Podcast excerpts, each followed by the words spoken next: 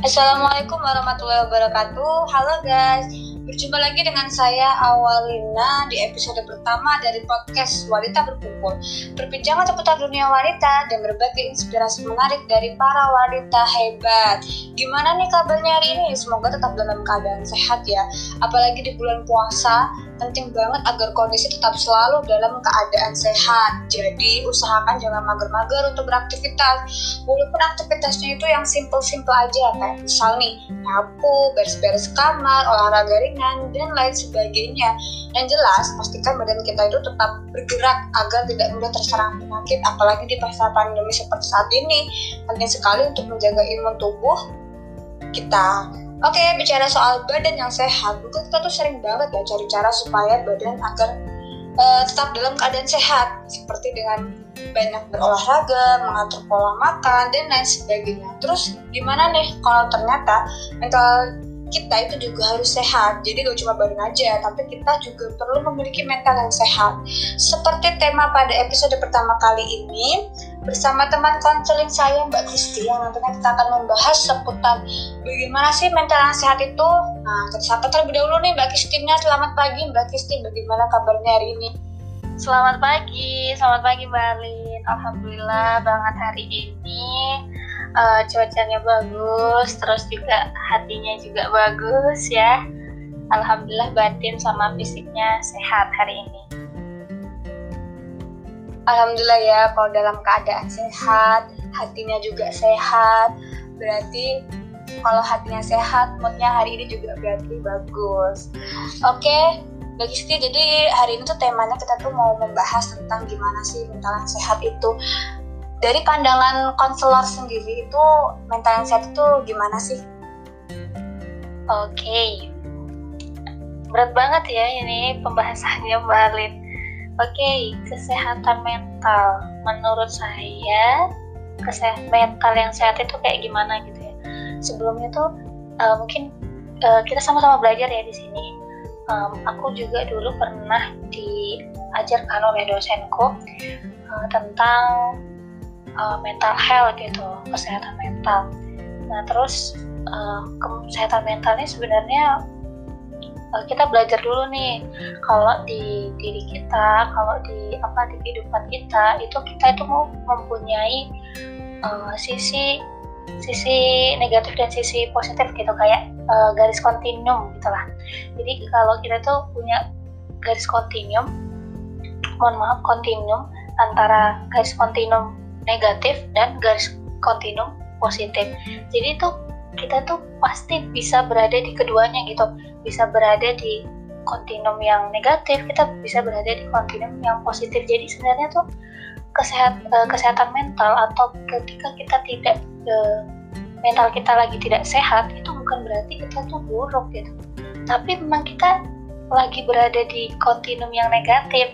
Ngerti nggak teman-teman? Jadi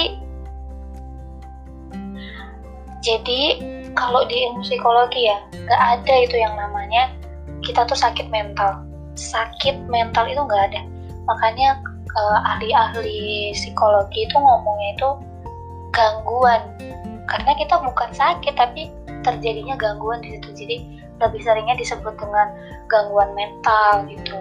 Nggak ada yang uh, menyebutnya kayak lu sakit mental sakit mental. Nggak ada ya jadi gitu tadi ya teman-teman oke coba sekarang kita bayangin ada garis horizontal gitu Nah, di sisi paling kiri itu negatif dan di sisi paling kanan itu positif.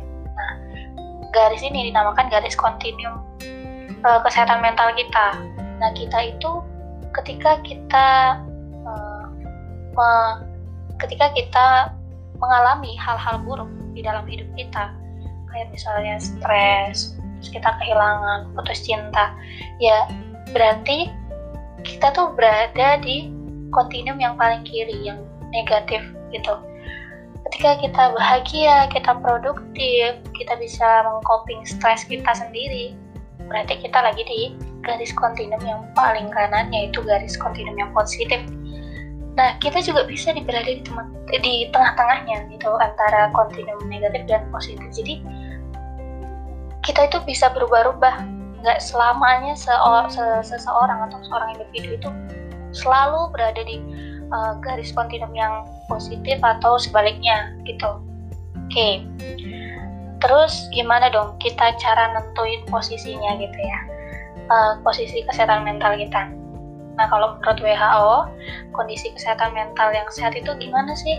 Kondisi sehat mental itu dia itu yang pertama dia bisa menyadari uh, potensi-potensi uh, yang dimiliki.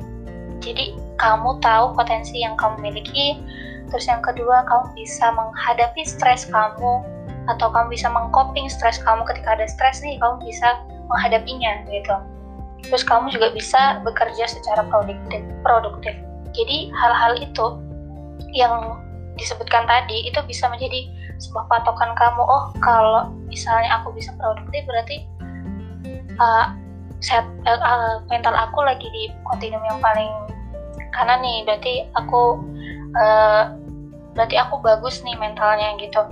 Ya dan sebaliknya gitu. Dan kamu bisa kayak mengkontrol itulah gitu. Tapi kamu nggak bisa kayak nentuin oh aku sekarang lagi 20% sehat mental nih aku lagi 30% aku lagi 10% oh nggak bisa kayak gitu. Tapi garis kontinum itulah yang menjadi patokan kalian. Tuh. Oke kemudian satu lagi. Ketika kita berada di garis kontinum yang paling kiri yang negatif tadi dari garis horizontal kesehatan mental tadi, kontinum kontinum kesehatan mental tadi, itu adalah sesuatu yang wajar gitu ya. Perlu diketahui kalau itu wajar gitu. Nah, kadang kita kayak uh, masih menerima stigma-stigma ya dari orang-orang uh, bahwa orang yang berada di garis kontinum yang negatif tadi ketika kesehatan mental kita lagi down gitu ya itu di stigma orang-orang baper banget sih lo lemah banget sih lo padahal itu hal yang wajar itu normali gitu ya normali bagi kita gitu karena setiap orang itu nggak nggak bisa uh, selalu bisa mengontrol bahagia terus produktif terus stres terus gitu ya. Itu itu yang perlu diketahui. Uh, meskipun kita kayak uh, bisa jadi mengalami kayak sesuatu yang lebih dari itu kayak nanti terjadinya gangguan kesehatan mental nggak apa-apa gitu. Kayak gangguan kesehatan mental itu kan ada banyak ya kayak ada depresi, anxiety, disorder atau gangguan kecemasan, terus bipolar disorder gitu ya. Ya itu yang dialami oleh orang-orang yang mungkin dikodar sudah apa ya kayak yang dikodar oleh Allah memiliki itu. Ya kalian nggak boleh mengejar mental orang-orang yang seperti itu. Oh gila tuh orang gila. Enggak nggak ada nggak ada istilah gila. Gitu ya adanya istilah gangguan mental atau gangguan jiwa tuh nah ketika kita sudah berada misalnya ada orang-orang yang berada dan mengalami gangguan mental yang bersifat depresi sampai anxiety disorder dan bipolar atau yang lainnya kita nggak boleh self diagnose ya. Self diagnose itu uh, mendiagnosa diri kita sendiri ya. Mendiagnosa kayak uh, cari di internet. Aduh aku kayaknya mengalami bipolar nih kok aku moodnya naik turun naik turun ya kayak gitu. Terus di dari internet oh ciri-cirinya berdasarkan ciri-ciri kok oh tidak bisa nggak boleh Ferguson kita nggak boleh men self diagnose diri kita sendiri. Nah yang boleh mendiagnosis diri kita kita mengalami gangguan mental apa itu hanya yang pertama psikiater dan yang kedua itu psikolog gitu. Nah mungkin uh, ada konselor, ada apa? Ada konselor atau ahli-ahli lainnya dalam bidang kesehatan mental itu mereka boleh membantu tapi tidak mendiagnos. Mendiagnosis itu yang boleh hanyalah psikolog atau psikiater. Bahkan lulusan uh, eh, S1 psikologi itu juga nggak boleh mendiagnos kecuali memang dia sudah uh, profesi menjadi psikolog itu. Wah ini pembahasannya bagus sekali ya. Jadi kesimpulannya adalah sebenarnya tidak ada yang namanya sakit mental. Yang ada istilahnya gangguan mental, yaitu ketika garis kontinum berada pada garis negatif. Dari penjelasan Mbak Kristi sendiri, menurut WHO, ketika seseorang dikatakan mentalnya sehat, yang pertama bisa menghadapi uh, maaf bisa menyadari potensi yang dimiliki yang kedua bisa menghadapi stres dan yang ketiga bisa bekerja secara produktif. Artinya ketika seseorang bisa melakukan tiga hal tersebut itu berarti kita bisa mengontrol mental kita. Baik mungkin teman-teman juga bertanya ya uh, bagaimana sih cara atau tips menghilangkan stres? Karena di masa pandemi seperti saat ini stres itu meningkat gitu. Mulai dari masalah daring banyak tugas ya semua serba online ini banyak sekali permasalahan-permasalahan yang timbul masalah perekonomian uh, mungkin kehilangan saudara-saudara kita akibat COVID-19 menurut Mbak Kisi sendiri gimana sih tips atau cara ya cara menghilangkan stres? Di masa pandemi kayak gini ya apalagi ya stres itu jadi tingkatannya tuh lebih meningkat dari sebelum pandemi mungkin gitu ya. Jadi mungkin kita harus lebih ekstra dalam menjaga kesehatan mental kita. Tapi nggak apa-apa sih sebenarnya. Yang seperti yang uh, aku bilang tadi di awal kalau kita itu kita itu normal banget. Kalau kita itu lagi nggak baik-baik aja kita normal banget. Kalau kita lagi stres kita lagi sakit hati kita lagi down itu normal banget gitu normal kita as sebagai manusia gitu nah gimana tipsnya agar kita bisa selalu atau nggak selalu ya uh, kita bisa mengontrol lah istilahnya mengontrol agar mental health kita itu atau kesehatan mental kita itu tetap terjaga. Yang pertama tadi kita sadari dulu kenapa ya? Kenapa ya aku stres? Kenapa ya aku begini gitu? Kita harus uh, proaktif lah istilahnya di dalam diri kita. Kenapa ya aku? Kenapa ya orang kayak gini? apa ya uh, misalnya nih misalnya contoh kecilnya kok teman-teman aku nggak ngumpulin tugas sih ke aku. Kan kita lagi kerja kelompok. Kenapa sih aku yang harus uh, bicara duluan ke mereka kalau gini gini gini? Nah kamu tahu kamu cari tahu dulu kenapa. Kenapa itu bisa ter terjadi gitu. Nah, kemudian setelah kamu tahu kenapa kok teman-teman kamu itu ketika kerja kelompok di masa pandemi ini kok makin hilang-hilangan ya kayak gitu. Nah, sekarang yang kamu lakukan setelah kamu tadi bersikap aktif kepada dirimu, bertanya kepada dirimu, kenapa, kenapa, kenapa? Nah, kemudian yang selanjutnya, saya bisa apa gitu?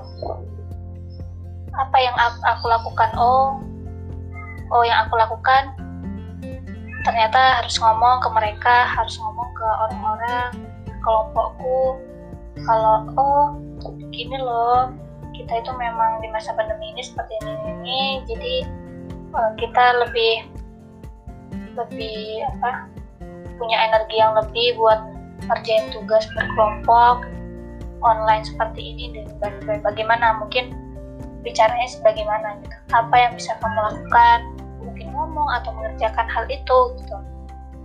Terus yang kedua eh, yang kedua itu kamu punya tujuan gitu. Kamu punya oh mohon maaf kamu punya jadwal ya. Kamu punya suatu struktur yang baru di kehidupanmu apalagi di masa pandemi ini. Gitu. uh, mungkin kalau misalnya yang kita berjumpa di masa pandemi yang awal-awal ya itu kan struktur struktur kehidupan kita berubah ya. Kayak yang awalnya kita bisa pergi ke kampus, kita bisa diskusi bareng teman-teman di kampus, langsung tatap muka, eh ada pandemi, malah buat stres, kayak aduh kelompokan, tapi temannya hilang-hilangan, yang ngerjain aku sendiri gitu ya. Nah kita harus tetap punya jadwal, kita harus punya tetap harus punya struktur, yang jelas di kehidupan kita ya struktur yang baru kayak oh iya aku nggak boleh terlalu larut di masa pandemi kayak gini. Ya aku buat jadwal jadwal oh ini ini oh ini ini, ini. yang harus aku kerjakan oh ini ini oh ini ini. Terus yang selanjutnya yaitu find your strength. Carilah kekuatan di dalam diri. Jadi apa yang kamu miliki gitu. Apa potensi yang kamu miliki kayak gitu. Agar ya kamu bisa menjaga keutuhan kesehatan mental kamu gitu. Kamu cari dulu kekuatanmu. Oh misalnya aku suka baca buku nih. Di masa pandemi kayak gini ya oke okay, baca-baca gitu. Terus oh aku suka gambar nih. Oh karena aku mempunyai banyak waktu di masa pandemi kayak gini dulu pas aku uh, pas masa pandemi ini belum hadir kan gak pernah ngerasa lagi tuh kemampuan aku dalam menggambar melukis kayak gitu. Oh ya aku ternyata punya banyak waktu itu gitu. Oh cari kekuatan kekuatan kamu. Cari strength strength kamu agar apa ya kamu itu nggak terlibat terlarut-larut dalam stres gitu. Akhirnya kamu dari strength yang kamu miliki kekuatan kamu itu akhirnya kamu bisa mengcoping stres kamu kayak gitu. Gitu nah kalau kamu istilahnya udah saya udah mencoba banyak hal yang di disuruh orang itu ya istilahnya. Terus kamu masih merasa stres atau merasa oh aku kayak depresi atau sebagainya ya tahap yang terakhir yaitu cari bantuan entah bantuan itu dari siapa pun. Kalau yang paling baik ya bantuan dari yang ahlinya. Itu di bidang psikologi. Sama psikolog, psikiater atau kamu bisa dulu tuh konsultasi-konsultasi kecil ke konselor sebaya, teman sebaya atau ke konselor konselor di bidang atau di layanan UPT UPT seperti itu dan sebagainya.